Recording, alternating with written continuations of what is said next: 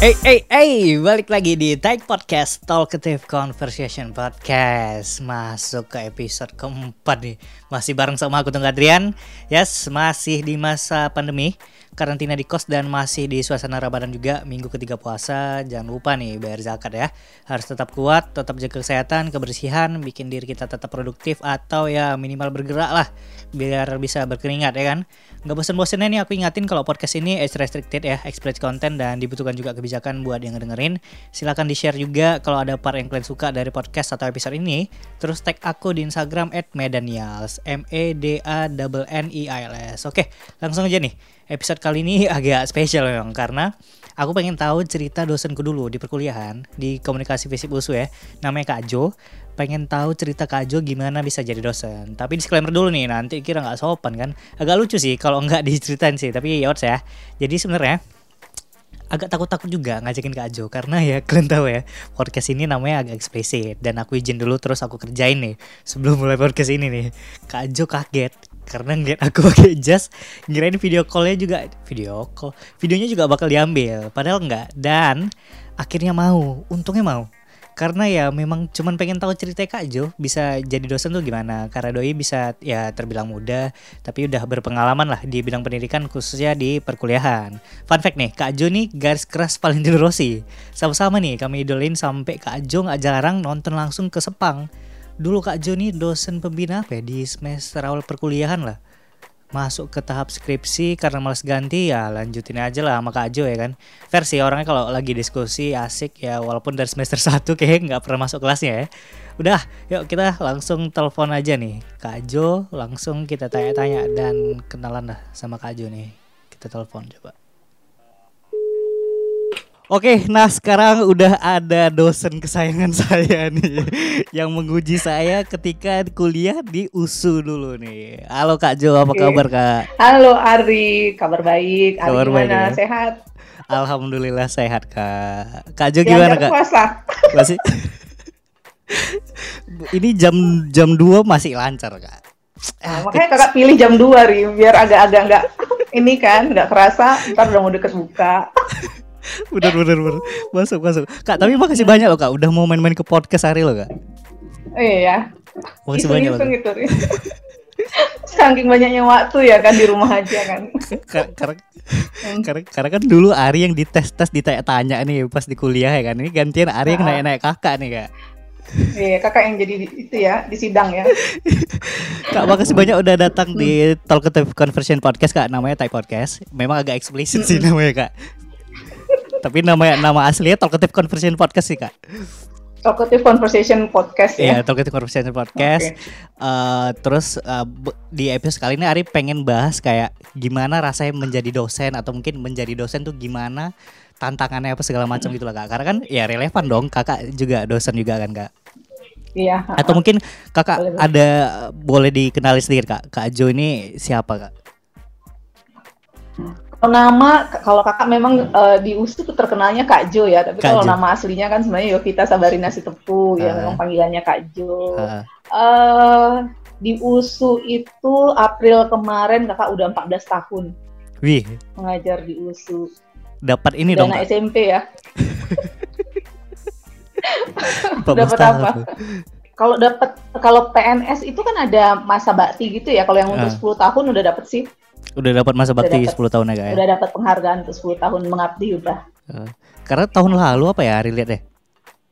Iya, tahun lalu. Tahun, tahun lalu ya Jadi kak? ya? dapatnya tahun lalu memang. lalu. Heeh. Kak di di Medan lagi pandemi gini gimana kak? Cara proses belajar ngajar di di sana kak di USU? Nah, dari Maret tuh udah eh, awal Maret itu sekitaran tanggal 12 apa ya kalau nggak salah itu rektor udah mutusin semua belajar semua aktivitas pembelajaran tuh dilakukan dari rumah.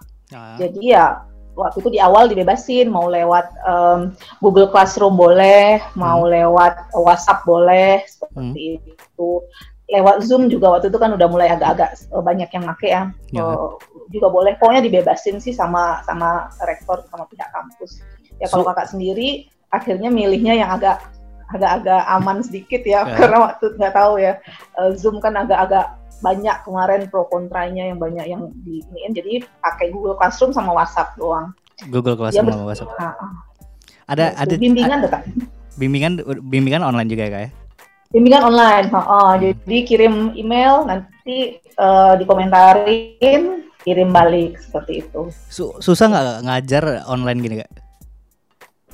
Ngajar online sebenarnya su uh, susah bukan susah sih sebenarnya itu lebih ke kurang puas gitu kurang gregetnya karena kan kalau kita ketemu langsung kita bisa melihat nih nah. yang hadir di kelas tuh memang beneran uh, merhatiin atau enggak kalau kalau dari WhatsApp kan uh, selamat siang semua, siang Kak Jo, siang Kak Jo, siang Kak Jo semua. Jadi kita harus ngapusin dulu satu-satu. Jadi sebenarnya chattingan banyak kan selamat siang Kak Jo, iya Kak Jo, baik Kak Jo, terima kasih Kak Jo gitu.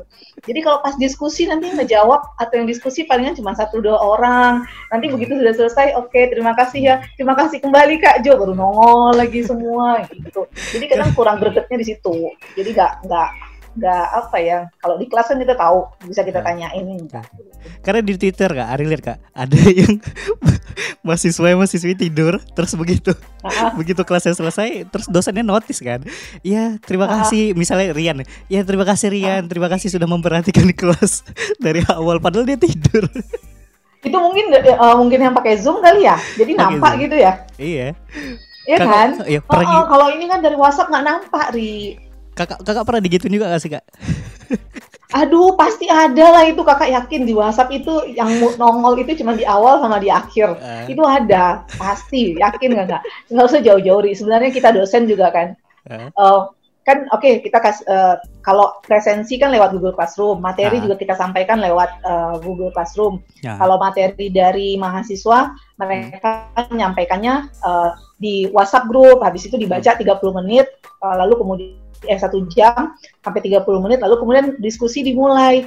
Hmm. Nah, pas diskusi dimulai tanya jawab kan mereka kelompok yang presentasi kadang oh kami minta izin oh, beberapa menit ya untuk diskusi.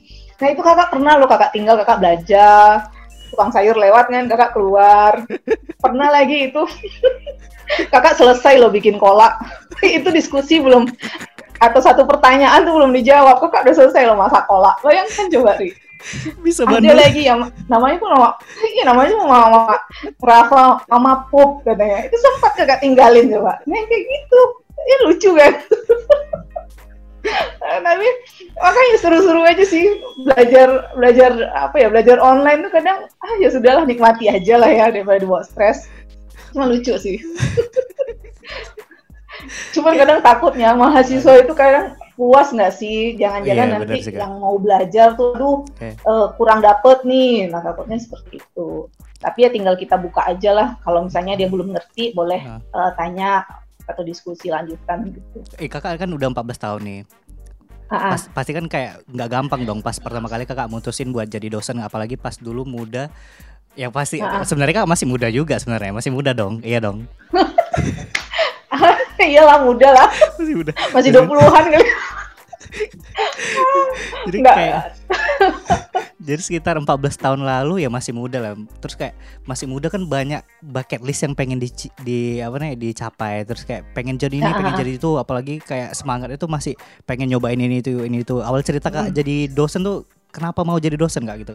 Kenapa bisa jadi dosen? Terus kayak pengorbanan apa sih kak yang kakak lakuin untuk milih jadi dosen? Karena kan nggak gampang loh kak milih milih milih ya, untuk jadi keputusan, dosen gitu ya iya milih milih keputusan hidup lah bilang kita bisa bilang uh, sebenarnya uh, kalau mungkin balik lagi ke orangnya ya Ri kakak hmm. dulu waktu di Bandung uh, sebenarnya cita-cita awal masuk komunikasi itu kan pengen jadi wartawan pengen jadi wartawan uh, uh, tapi waktu itu pas wawancara Kompas Hmm. Itu ada pertanyaan yang memang jawaban kakak pun tolol. Kamu kalau ditempatkan ke Aceh mau atau tidak? Kakak bilang saya tanya mama saya dulu. Waktu itu Aceh masih agak ada agak agak agak masih belum aman. Uh. Terus kakak mikir ya iyalah mana ada yang mau mengerjakan aku ketika ditanya kamu mau nggak ditempatkan situ? Saya tanya mama saya dulu. Itu kan jawaban tolol sebenarnya. Cuman memang kakak mikir kalau aku ditaruh kayak gitu ah kayak aku nggak siap.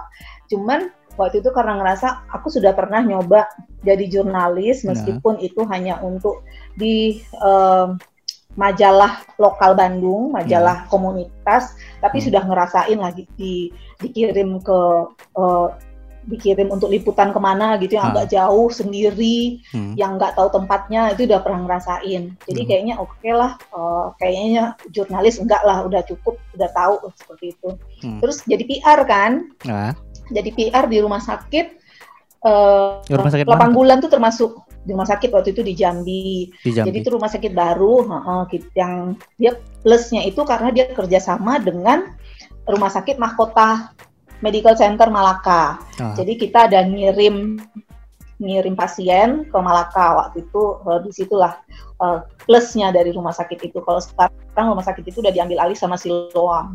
Ah. Tapi hanya 8 bulan. Lalu kan em, menikah lalu pindah ke Medan. Hmm. Nah, waktu itu yang kakak lamar itu juga semuanya banyak kan rumah sakit. Banyak rumah sakit. Sudah sampai wawancara tahap akhir. Hmm. Ini nggak boleh sebut merek lah ya. Ya, ya benar. Di rumah sakit yang cukup terkenal di Medan. Cukup terkenal Medan. eh oh, sangat terkenal.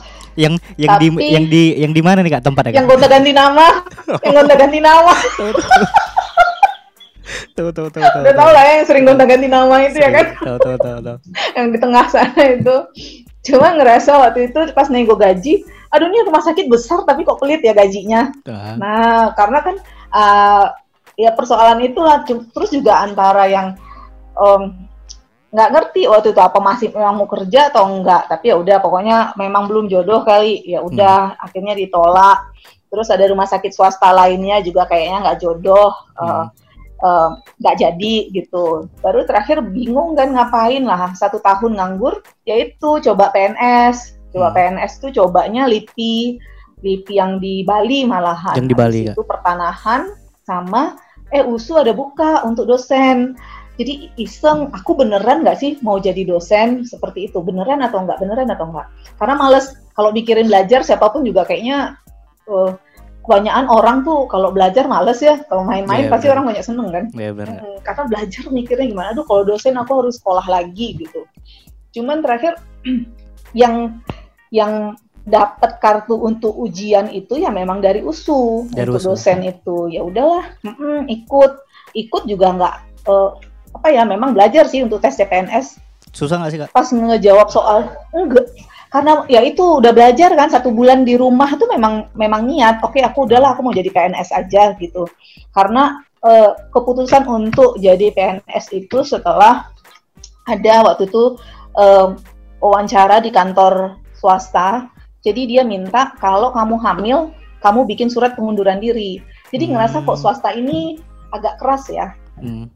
Jadi kalau hamil, aku harus mengundurkan diri. Loh, kok seperti itu? Lebih baik dari awal nggak usah terima aku kalau tahu saya udah eh, menikah gitu. Jadi ya udahlah, kayaknya kalau PNS kan nggak terlalu ribet seperti itu. Ya benar. Jadi ya udah eh, tes eh, eh, di rumah juga sebulan itu mempersiapkan diri. Jadi pas lihat dapet soal ujiannya, oh bukan bukannya pelein sih, tapi oh ya Hmm. ini kan waktu SMA udah dipelajari ya, ya udah gitu. Lulus ya udah eh, apa yang dikorbanin kayaknya enggak sih karena memang eh, niatnya memang mau bekerja Nah, dan ketika lulus jadi dosen langsung ngerasa eh, satu tahun nganggur di Medan berarti ini yang terbaik untukku itu aja sih emang dream job Kakak dulu apa Kak? eh wartawan kan Wartawan. wartawan bola Wah, sel- wartawan olahraga Oh iya, oh iya. Kakak suka Rossi ya, berpikir tadi. Iya jadi suka sepak bola suka balap jadi memang eh aduh semua semua kayaknya semua olahraga tuh suka jadi dulu tuh mimpinya tuh jadi wartawan bola wartawan bola eh, tabloid bola Tapi ini fun fact ya kak ya, fun fact ya. Yang Ari Hmm. tahu tuh kakak tuh cuman suka balap, terus suka Rossi. Eh, Emang kakak suka bola? Emang dulu kakak suka siapa Suka. kak? Oh, kakak itu dari dulu itu dari SD itu sudah nonton loh bola. Jadi itu kakak suka dulu trio Belanda Marco van Basten, Ruud Gullit Oh. sama Frank Rijkaard. Ya Jadi dulu kalau Piala Dunia tim kesebelasan yang kakak bela itu Belanda sama Itali. Belanda sama Itali Italia. itu kan dulu Roberto Baggio kan. Roberto Baggio. Hmm. Ket- Ketahuan di Ya. generasi kakak. Tahu. Makanya dulu Van Basten Van Basten kan di AC Milan. Ah. Suka dulu AC Milan. Nah, pas Piala Eropa zaman-zamannya waktu kakak SMA, Del Piero tuh baru naik daun di situ. Del Piero. Ih, Del Piero. Nah, jadi kakak pencinta La Spezia Signora. Juve.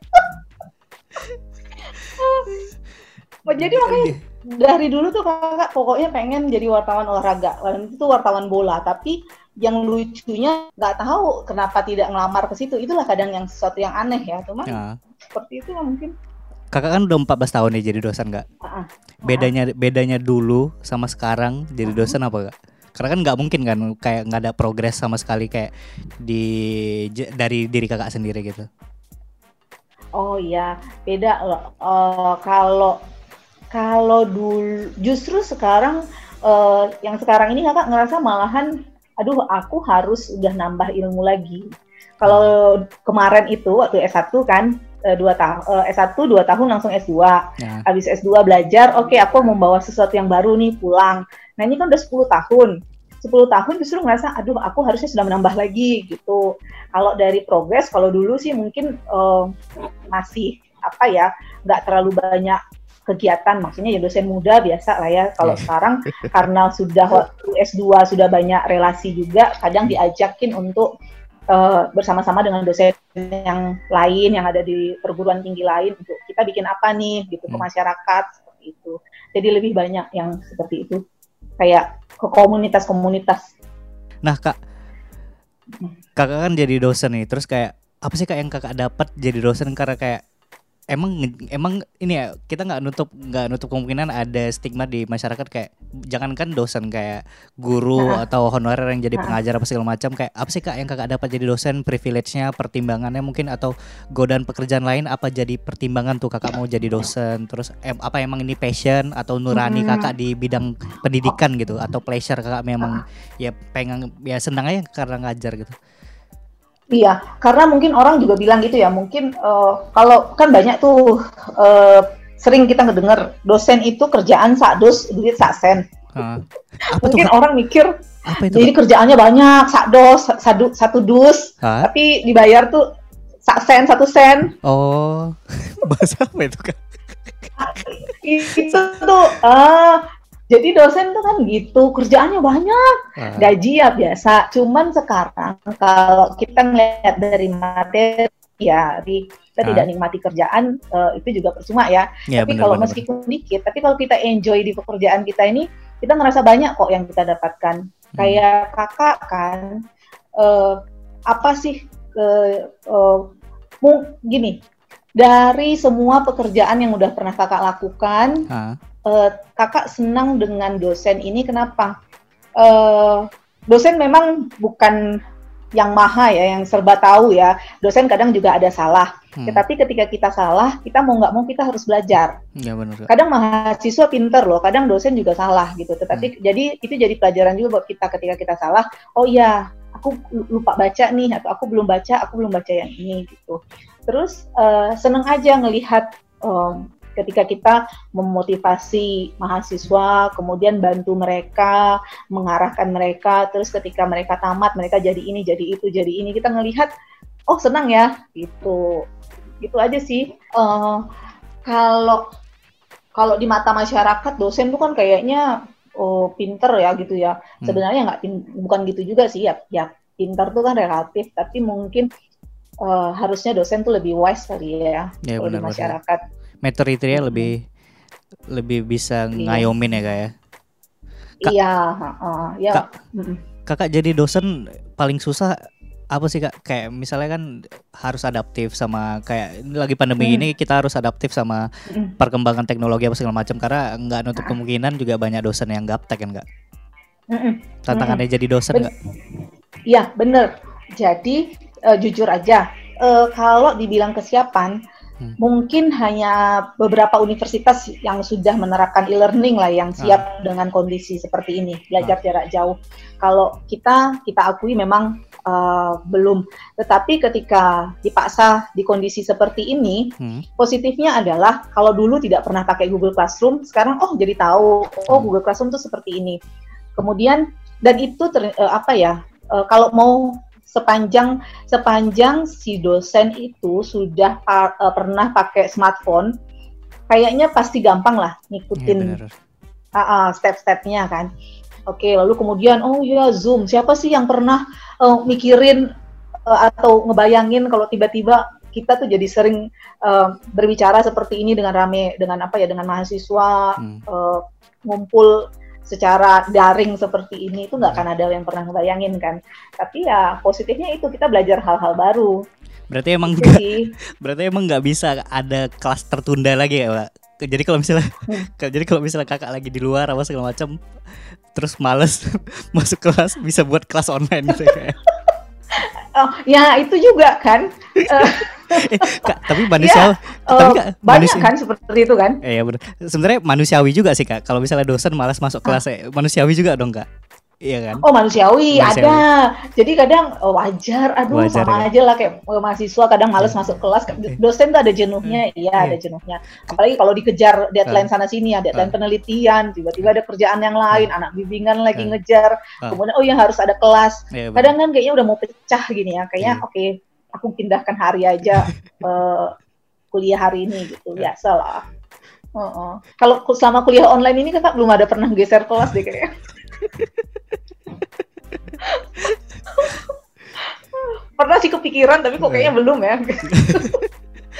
kan, karena banyak yang nggak disadarin sama mahasiswa-mahasiswi ini dosen tuh mm-hmm. ya per, pernah bandel juga pernah apa namanya ya manusia juga bisa bisa capek bisa butuh waktu iya. juga butuh apa namanya uh-huh. butuh energi buat nyalurin untuk ngejelasin ilmunya iya, biar nyampe ke mahasiswa sejenak lah ya iya, melarikan diri sejenak dari rutinitas benar, benar benar kak mm-hmm. terus kayak emang okay. kayak mahasiswa mahasiswa sekarang tuh pasti ya beda-beda ya kayak ya, dari generasi ke generasi mm-hmm. pasti bakal kerasa beda ya kayak ya? Ada ada ngerasa beda, beda gak sih kak? Beda. Kalau misalnya sekarang beda. tuh yang sekarang tuh yang kakak keselin dari mahasiswa mahasiswi sekarang tuh apa sih kak? Uh, Ari, huh? pernah nggak Ari, uh, Ari ngebayangin ya, misalnya Ari jadi dosen, huh? terus ada punya anak bimbingan, huh? itu ngirim WhatsApp nah? bertanya, huh? uh, Tanya Kak, selamat sore Kak, saya baru mengirimkan, uh, mengemailkan draft skripsi saya. Itu dua orang, itu WhatsApp-nya itu selalu sama persis dan selalu berbarengan. Kok bisa ya? Mereka lagi deketan, enggak kan? Ini udah kejadian tiga minggu loh. Tiga minggu. Dua maha, dua anak bimbingan kakak itu bisa sama persis isi WhatsApp-nya ke kakak.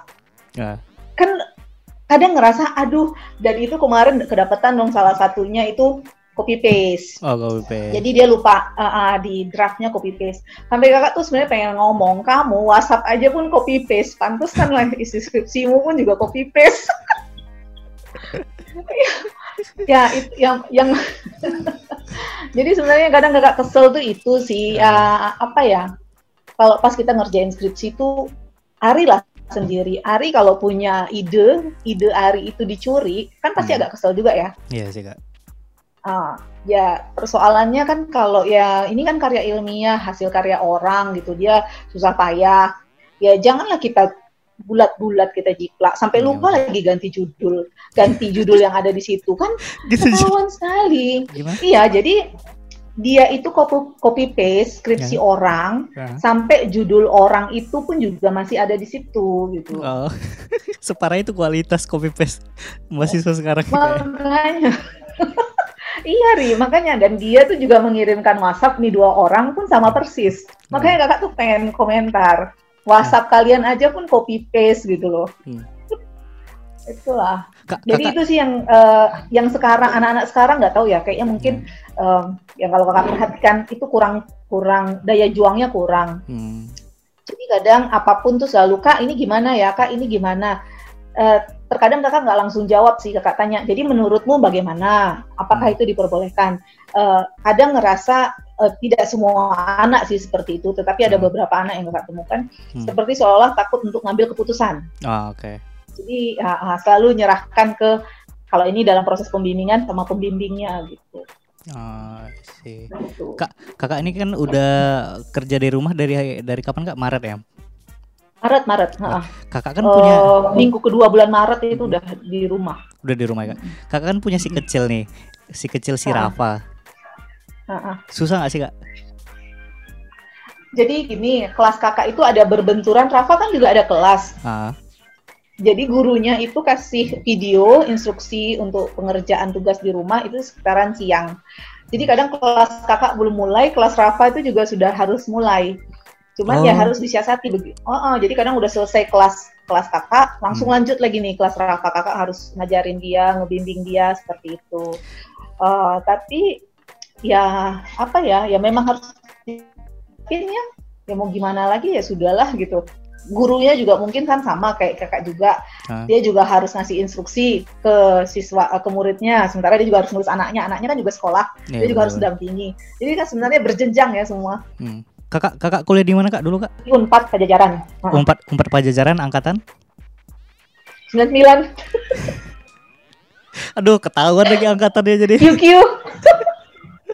Mm-mm, angkatan QQ.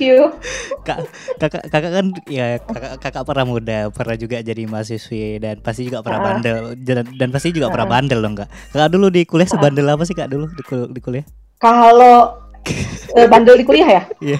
Kak, jujur ya, kakak itu bandel itu di SMA. Kalau kuliah Di itu justru nggak pernah bandel. Ah, Heeh. Cuman se yang oh gini, pernah waktu S1 gini. Hmm, kena ini dosen juga pernah sih. Jadi dosen mata kuliah pengantar ilmu hukum. nah, Kebetulan itu ibunya orang Karo, Nah. Ginting. ginting. Jadi oh, ginting. Jadi biasalah kita di perantauan kan, ih orang Karo gitu kan. Ah aku tulis ah margaku gitu ya biar eh, siapa tahu kan dapat nilai bagus. Terus waktu itu ya biasalah mahasiswa ribut di kelas ya kakak juga Hmm. pernah lah ribut di kelas ya. Ah, Ribut lah kakak di kelas langsung ditunjuk kamu katanya gitu. Dari tadi ribut aja. Kamu tahu nggak gini gini gini. Terdiam apa ya? Jadi soal hukum deh waktu itu. Jadi agak bingung. Nggak bisa jawab. Eh beneran keluar nilai keluar nilai dapet C. Jadi nggak berlaku ya ditulis marga situ gitu ya. Ibu itu juga nggak ini. Ya udahlah semester pendek. Palingnya sekarang- cuma itu sih yang bandelnya nggak pernah. Oh kasih contekan juga pernah lah ngasih contekan ke orang gitu ya. titip-titip absen, Oh nggak pernah. titip Titip absen nggak pernah. nembak nembak Seingat ne- kakak nggak pernah ya titip Ah. absen. nembak di kan pernah. nembak di kantin nggak? Nggak pernah. Bolos kan? Nggak nembak di kantin tuh Ah, nembak, nembak di kantin tuh kayak kakak beli makanan terus nggak bayar gitu atau mungkin kakak beli li, Oh, nggak beli pernah. Nggak pernah, Ri. Nggak pernah. Aduh, dulu kayak, ih dulu kasihan lah. Eh, dulu kami tuh jarang makan di kantin. Dulu tuh ada eh, teh botolnya si, aduh siapa ya namanya si Jack itu tukang parkir. Ada teh botolnya siapa lupa. Terus ada gorengan, ada mie ayam. Nah, Unpad ya, Kayaknya kasihan ya mereka aja pun jualannya juga mie ayam Hmm. gitu kan pakai gerobak. Kayaknya kasihan lah nggak pernah nembak.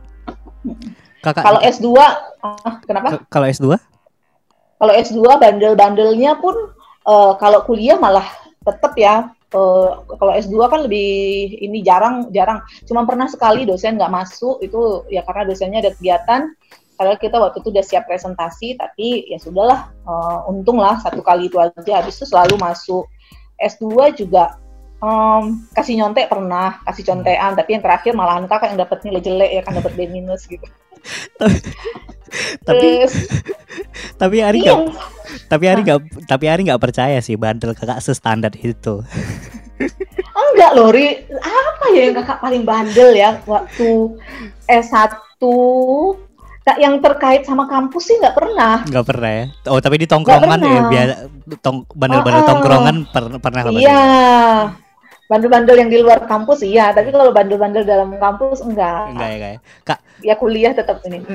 Kak kalau misal kakak nggak jadi dosen kak kakak bakalan jadi apa Hmm. Kal eh, yang jelas waktu itu kakak cuma mikir kerja di rumah sakit sebagai humas. rumah sakit sebagai humas kenapa rumah sakit kak Heeh. Hmm, waktu SMA itu salah satu cita-cita kakak kan jadi dokter ya, Ah, salah satunya. Heeh, selain jadi selain jadi wartawan tuh memang jadi dokter. Jadi memang sangat cinta dengan semua yang berbau rumah sakit dan dari Nah, kalau Ari nggak nanya, kenapa itu nama kakak Melody Rosetta? oh iya, iya, ini buat Nah, itu buat buat buat teman-teman yang buat teman-teman yang dengerin podcast nih ya. Nah ini nama nama apa? Nama Kak Jo di conference call nih namanya Melody Melody Rosetta ya kak ya. Ya, Melody Re- Rosetta dan saya sedang menggunakan jas karena saking spesialnya loh. udah kayak udah kayak seminar hasil loh ini.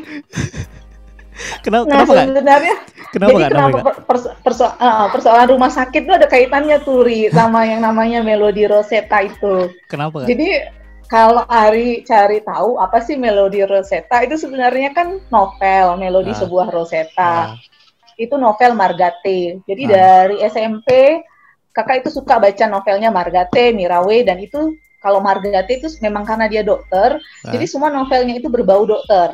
Oh. Tokoh-tokohnya itu ya eh, dokter lah atau kuliah lah, sedang kuliah kedokteran, Ah. selalu eh, selalu di bidang kedokteran. Jadi memang eh, cocok gitu ya kan eh, apa eh, se- sejalan lah gitu. Jadi dari dulu memang oke ketika S1 aku sudah karena kedokteran mahal ya kuliah kedokteran mahal ya udahlah pilih komunikasi aja. Hmm. Tetapi niat at- su- kesukaan di bidang kedokteran itu tetap. Makanya waktu pas di Jambi itu keterima jadi humasnya rumah sakit tuh memang happy gitu. Oh. Menjiwai sekali lah. Oh, berarti emang kayak sebenarnya apa yang kita baca itu bisa nggak distraksi kita buat apa yang kita pengen juga ya kak sebenarnya kak. Iya sih? Iya, Iya eh, iya memang benar. Jadi ya eh, nggak tahu. Jadi pokok dan banyak sih yang kakak dapat. Jadi kalau ngom- ngomong sama orang kan gini-gini, oh iya penyakit ini ini. Jadi soal tahu, oke kayak misalnya pemeriksaan karena dulu pernah di rumah sakit, iya pemeriksaan ini gini gini gini gitu. Dan memang ya itu tadi ya karena nggak tahu kesukaan itu tadi sih sama sama bidang kesehatan. Malah kemarin sempat waktu S2 itu eh, tesisnya mau tentang komunikasi kesehatan, Komunikasi kesehatan. terapeutik. Cuman waktu itu sama pembin eh, sama pihak kampus bilang kita eh, belum ada eh, yang spesialisasi di bidang ini, jadi Hmm. coba di drop aja deh judul ini Oh, Oke. gitu. Mungkin ini sebenarnya nggak nggak nutup kemungkinan baru sadar loh Rika. Ada sebagian juga orang juga pengen mau jadi dosen kak. Mungkin ada yang mau kakak klise sekali sih, klise sekali sih pertanyaan saya. Pesan buat teman yang mau jadi dosen silahkan kak. Atau mungkin untuk mahasiswa mahasiswiku. Entah mereka. yang mau jadi dosen gitu ya. Ri, karena kakak pun jadi dosen itu Hah? pun eh, kakak ngerasa eh, eh, hidup itu kak ya Kak- kalau dari kakak ya kakak bilang Hmm. eh, kakak nggak pernah per- nggak pernah punya cita-cita jadi dosen. Tapi eh, ketika kakak menjalani hidup kakak ini ya sudah mana yang maksudnya membawa eh, aku tuh dibawa ke mana Hmm. pas kemudian oke eh, usu buka ya sudah aku ikut jadi seolah-olah kayak eh, jalani aja jalani aja jalani aja ada kok orang yang pengen sekali jadi dosen nggak jadi dosen loh Ya benar-benar. Ah, ah. nah kadang orang orang semua pada terkejut kok ketika kakak jadi dosen teman-teman kakak itu semua terkejut kakak jadi dosen karena tidak pernah mereka membayangkan kakak jadi dosen Hmm. Orang kakak dulu juga nggak kita pinter amat kok. Jadi nggak akan ada yang pernah nyangka si Jo jadi dosen tuh enggak nah jadi kalau kalau memang niatnya memang mau jadi dosen kalau saran kakak eh, kesempatan di mana aja tuh bisa terbuka. Iya. yang jelas eh, kalau apa ya mau bekerja dulu tuh nggak masalah. Ya. ketika mau be- eh, ketika kerja dulu itu eh, praktis tuh sudah banyak kita dapatkan ya kan lalu Nah, kemudian eh, mau S2 itu udah wajib kalau mau jadi dosen kan minimal S2 Ya, benar. bagus lagi kalau S3 ha, ha. tetapi kalau punya pengalaman praktis itu jauh lebih menguntungkan Lebih menguntungkan. ya. sebenarnya jadi kalau misalnya saat ini belum jadi dosen tapi bekerja di bidang eh, praktikal itu nggak masalah bukan berarti aduh aku nggak mungkin lagi jadi dosen itu nggak mungkin masih ada Ya. kesempatan Ah, Gitu. Kayak Ari masih ada kesempatan jadi dosen Ari kerja gini kan habis itu nanti Ari siapa tahu mau S2 eh jadi dosen tamu lah Iya, lihat Maya Estianti ini jadi dosen Bener. sekarang, Bener. dosen tamu kan. Eh, Kak makasih banyak loh kak udah main ke podcast hari ini kita udah di penghujung tapi kak Ah, biasanya ah, oke. nah Ah, biasanya Apa? di penghujung podcast itu ada ada games Oh, apa tuh? ada games repeat question jadi kakak jawab cepat aja top of mind Oh gitu ya, Iya. cepet-cepetan jawab. Iya. siap ya kak ya Boleh, boleh, boleh. Siap, siap, siap. siap ya, Kak? kita mulai kak ya Oke.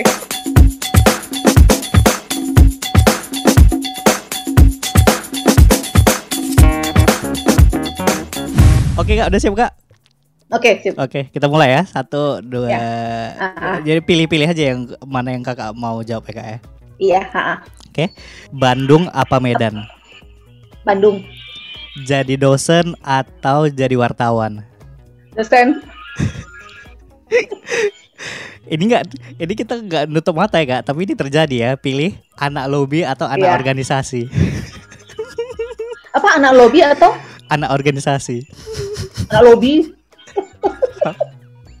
ini bukan karena Arya nggak nggak interview kan kak Enggak, enggak karena kakak juga bukan anak organisasi, Ri.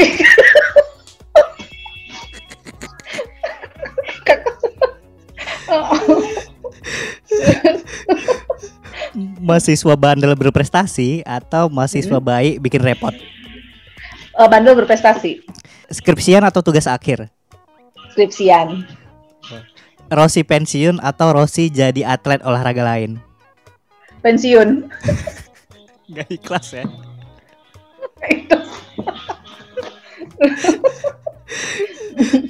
Top 3 bucket list yang belum dicapai? Top 3 bucket list S3. Terus eh, seminar internasional di di luar negeri ya. Nah, Terus eh, eh, yang ketiga eh, bawa mama kakak jalan-jalan ke Italia ke tempat Wow. eh, negara sepak bola yang pernah kakak sukai. Sebenarnya ada satu lagi lari, kenapa nggak sih empat gitu ya kan? Nemu Oh iya, apa Rossi. tuh? Apa tuh kak? Ketemu Rossi. Aduh. Iya, jadi sebenarnya banyak sih yang udah ngasih eh, kemarin itu kesempatan. Yuk Jo, berangkat kayak kemarin Februari kan. Nah, eh, pas winter test Sepang. Ini aku Hmm. dapat free pass, kita bisa foto sama Rossi kok gitu. Hmm. Aduh, enggak lah, aku gini gini gini gini. Eh iya beneran dia bisa foto sama Rossi. Cuma nah. kakak mikir ah suatu saat kalau memang nasib fotoan sama Rossi pas foto deh. Kak, ini tapi Ari penasaran kak ya. Ari Hmm. penasaran nih, kakak kenapa bisa suka sama Rossi ya? Sebenarnya kakak itu dulu sukanya sama Max Biaggi Oh, Max Baggy ya benar. waktu di Bandung. Ah, cuman kakak bingung ya, Max Biaggi kan waktu itu dikalahin sama Rossi terus. Kakak heran, Iya. ini Max ini siapa sih yang ngalahin Rossi terus-terusan ini gitu loh. Hmm. Terus kan eh, apa ya, tengil banget kan gayanya, rambut eh, bad boy banget lah, tengil Itu banget memang. Rambut masih yang aneh-aneh. Terus Masih Honda ya? Eh, Honda. ya? kenapa? Masih di Honda ya? Honda apa yang mana Ya sih? Honda, Honda, kan? dia dulu, Ya- Yang Honda. yang warna Ha-ha. kuning kan? Yang warna Honda. kuning bukan sih? Kenapa? Yang warna kuning bukan sih motornya? Ya, ah, ah, kuning Iya Honda dia pokoknya Honda. Terus eh, waktu lawan CT kan memang tengil, tapi eh, ketika dia sudah pin kakak suka sama Rossi ketika dia pindah ke Yamaha karena Oh. itu motor yang tidak bagus. Nah, di situ nggak ngelihat, oke ini orang memang bisa bawa motor, maksudnya dia ngerti motor. Oh. Terus ketika dia menang, yang dia dia tuh kayaknya sayang banget sama motornya. Kakak tidak pernah melihat ada pembalap yang memperlakukan motor tuh seperti kayak eh, apa ya bagian dari dirinya yang Baga- deket banget ya kayak ceweknya kayak gitulah. Ah di situ lah kakak, oh, ini orang memang memang benar-benar cinta sama dunianya gitulah, sama dunia balapnya itu tadi. Padahal Oh, makanya jadi suka. Padahal semua pembalap juga suka sama motor ya. Tapi nggak ada yang pernah kayak sayang banget gitu. Oh, gitu, gitu, yang waktu gitu. dia menang di Ah. Welcome itu yang di Afrika Selatan yang sampai eh, sampai dia nangis seperti itu yang kayaknya aduh terenyuh banget iya ya gitu. Itu sih yang bikin suka sama Rossi. Kak, terakhir Kak. Kakak belakangan ini sibuk apa Kak? Oh, biasa. Oh, oh ya kan karena kemarin sempat social dis- physical distancing, jadi eh, mbak kakak juga kakak rumahkan, Ya. tapi juga tetap lah ada ada penggantinya sedikit seperti itu. Hmm. Jadi ya kesibukan di rumah selain urusan kerjaan, urusan pendidikan Rafa, urusan domestik semua dijabanin. Ya sudah, jadi di rumah ya ada kesempatan baca buku, baca buku, baca novel, baca novel, eh, nonton drama Korea, nonton drama Korea, semua. Sempat ya ya? Terus ya, nah, eh, ya kayak misalnya sesama teman dosen eh, kita mungkin Ari ada lihat ya yang Japelidi ya. Hah? Jadi sesama dosen Oh iya, yang. Japelidi, Iya, eh, eh, jaringan pegiat literasi digital. Waktu itu kita bikin eh, konten eh, untuk apa ya eh, protokol COVID. Nah, Oh, pakai pakai bahasa daerah masing-masing. Hmm. Jadi lumayan sih. Jadi kita bantu sebarkan di sosial media kita. Kemudian oh ya apalagi eh, yang harus di, eh, diisi tentang apa materinya. Nah itu itu Hmm. aja sih. Komu- Itu bisa- eh, yang itu tadi kakak bilang komunitas-komunitas itu tadi. bisa bisa dicek di mana Kak? Eh, Instagramnya ada Japelidi. Hmm. Japelidi, Jaringan Pegiat Literasi Digital. Oke, mungkin teman-teman kalau misalnya mau cek campaign ya kak ya? Instagram, iya. Eh, Oh, eh, itu memang komunitas dosen-dosen, tapi Nah. memang waktu itu kita bikin kampanye eh, terkait dengan COVID. Jadi bagaimana ini literasi digital ya, waktu Nah. COVID ini, eh, situasi sekarang kan banyak banget hoax ya. Nah benar-benar. Oh, oh, jadi ya tentang edukasi masyarakat eh, melalui em, sosial media tentang eh, pilah- pilah-pilih informasi lah. Ya, benar. Kak, thank you, thank you kali nih kak. Thank you sekali Sama-sama. Ari. Udah mau Oh kakak yang ke- thank you dong diundang. Mak- Makasih banyak kak udah datang ke Type Podcast, Talkative Conversation Podcast. Mungkin sekian aja kak Ah. perbincangan kita di episode kali ini menjadi dosen Iya, sama-sama. dan rasa hari kayak Amin. menjadi Sukses dosen. ya Ari. Iya benar-benar. Karena rasa hari emang kayak menjadi dosen itu ya bukan cuman pilihan tapi emang kayak pleasure juga passion juga ada di dalamnya karena emang jadi Iya. tanggung jawab moral kita juga untuk membuat pendidikan kita jadi lebih berkualitas ya kayak wah bijak kali ya Gila, bijak iya kali memang Ari. bijak kali ya padahal di kampus tidak pinter-pinter Karena juga. memang, eh, tapi memang bener Ri. Karena eh, kakak pun ngerasa pokoknya kebaikan yang di, eh, di apa ya, yang dikasihkan oleh dosen-dosen kakak dulu, Hmm. itulah yang coba kakak terapkan Hmm. eh, eh, ke anak-anak bimbingan kakak. Karena mereka tuh dulu pendahulu, maksudnya yang yang me- mendidik kakak juga semua baik-baik. Ya, Ya, apa salahnya kita teruskan kebaikan itu tadi kan? Benar, Seperti benar. itulah. Kak Jo, sukses terus kak, sehat-sehat, jaga kesehatan pas Sehat-sehat, lagi pandemi kayak gini kak. Amin. Sama-sama Ari. Ya, Sukses juga. Titip titip salam buat keluarga, Sehat. titip salam buat Rafa mana nih Rafa? Halo Rafa. Eh, biasa aman dia kalau dikasih tontonan. Ya pasti ya, ya pasti ya tonton berpendidikan dong, ya kan kak Nusa dan Oke. lain-lain ya kan kak. Uh-uh. Iya. Kak, makasih banyak kak ya. Oke. Sampai sampai ketemu di lain waktu Sampai kak. ketemu. Ya, see you Ari. Ya kak. Selamat berpuasa. Yo. Selamat berpuasa. Bye bye. Ya. Oke, oke, oke. Nah, itu tadi ya obrolan aku sama Kak Jo membahas menjadi dosen. Semoga dapat ngasih info-info bagus buat kalian yang pengen jadi dosen. Buat teman-teman mahasiswa atau mungkin stakeholder di luar sana bisa lebih memanusiakan lagi lah seorang dosen ya kan. Seminimalnya terhibur dengar podcast ini di masa pandemi yang bingungan ini. Terima kasih sekali lagi udah dengerin sampai habis. Pantengin terus Take Podcast, Talkative Conversation Podcast dengan topik-topik lainnya. Aku Tunggu Adrian dan Yovita Sabarina di episode kali ini pamit undur diri sampai ketemu di episode selanjutnya. We are signing out. Dadah!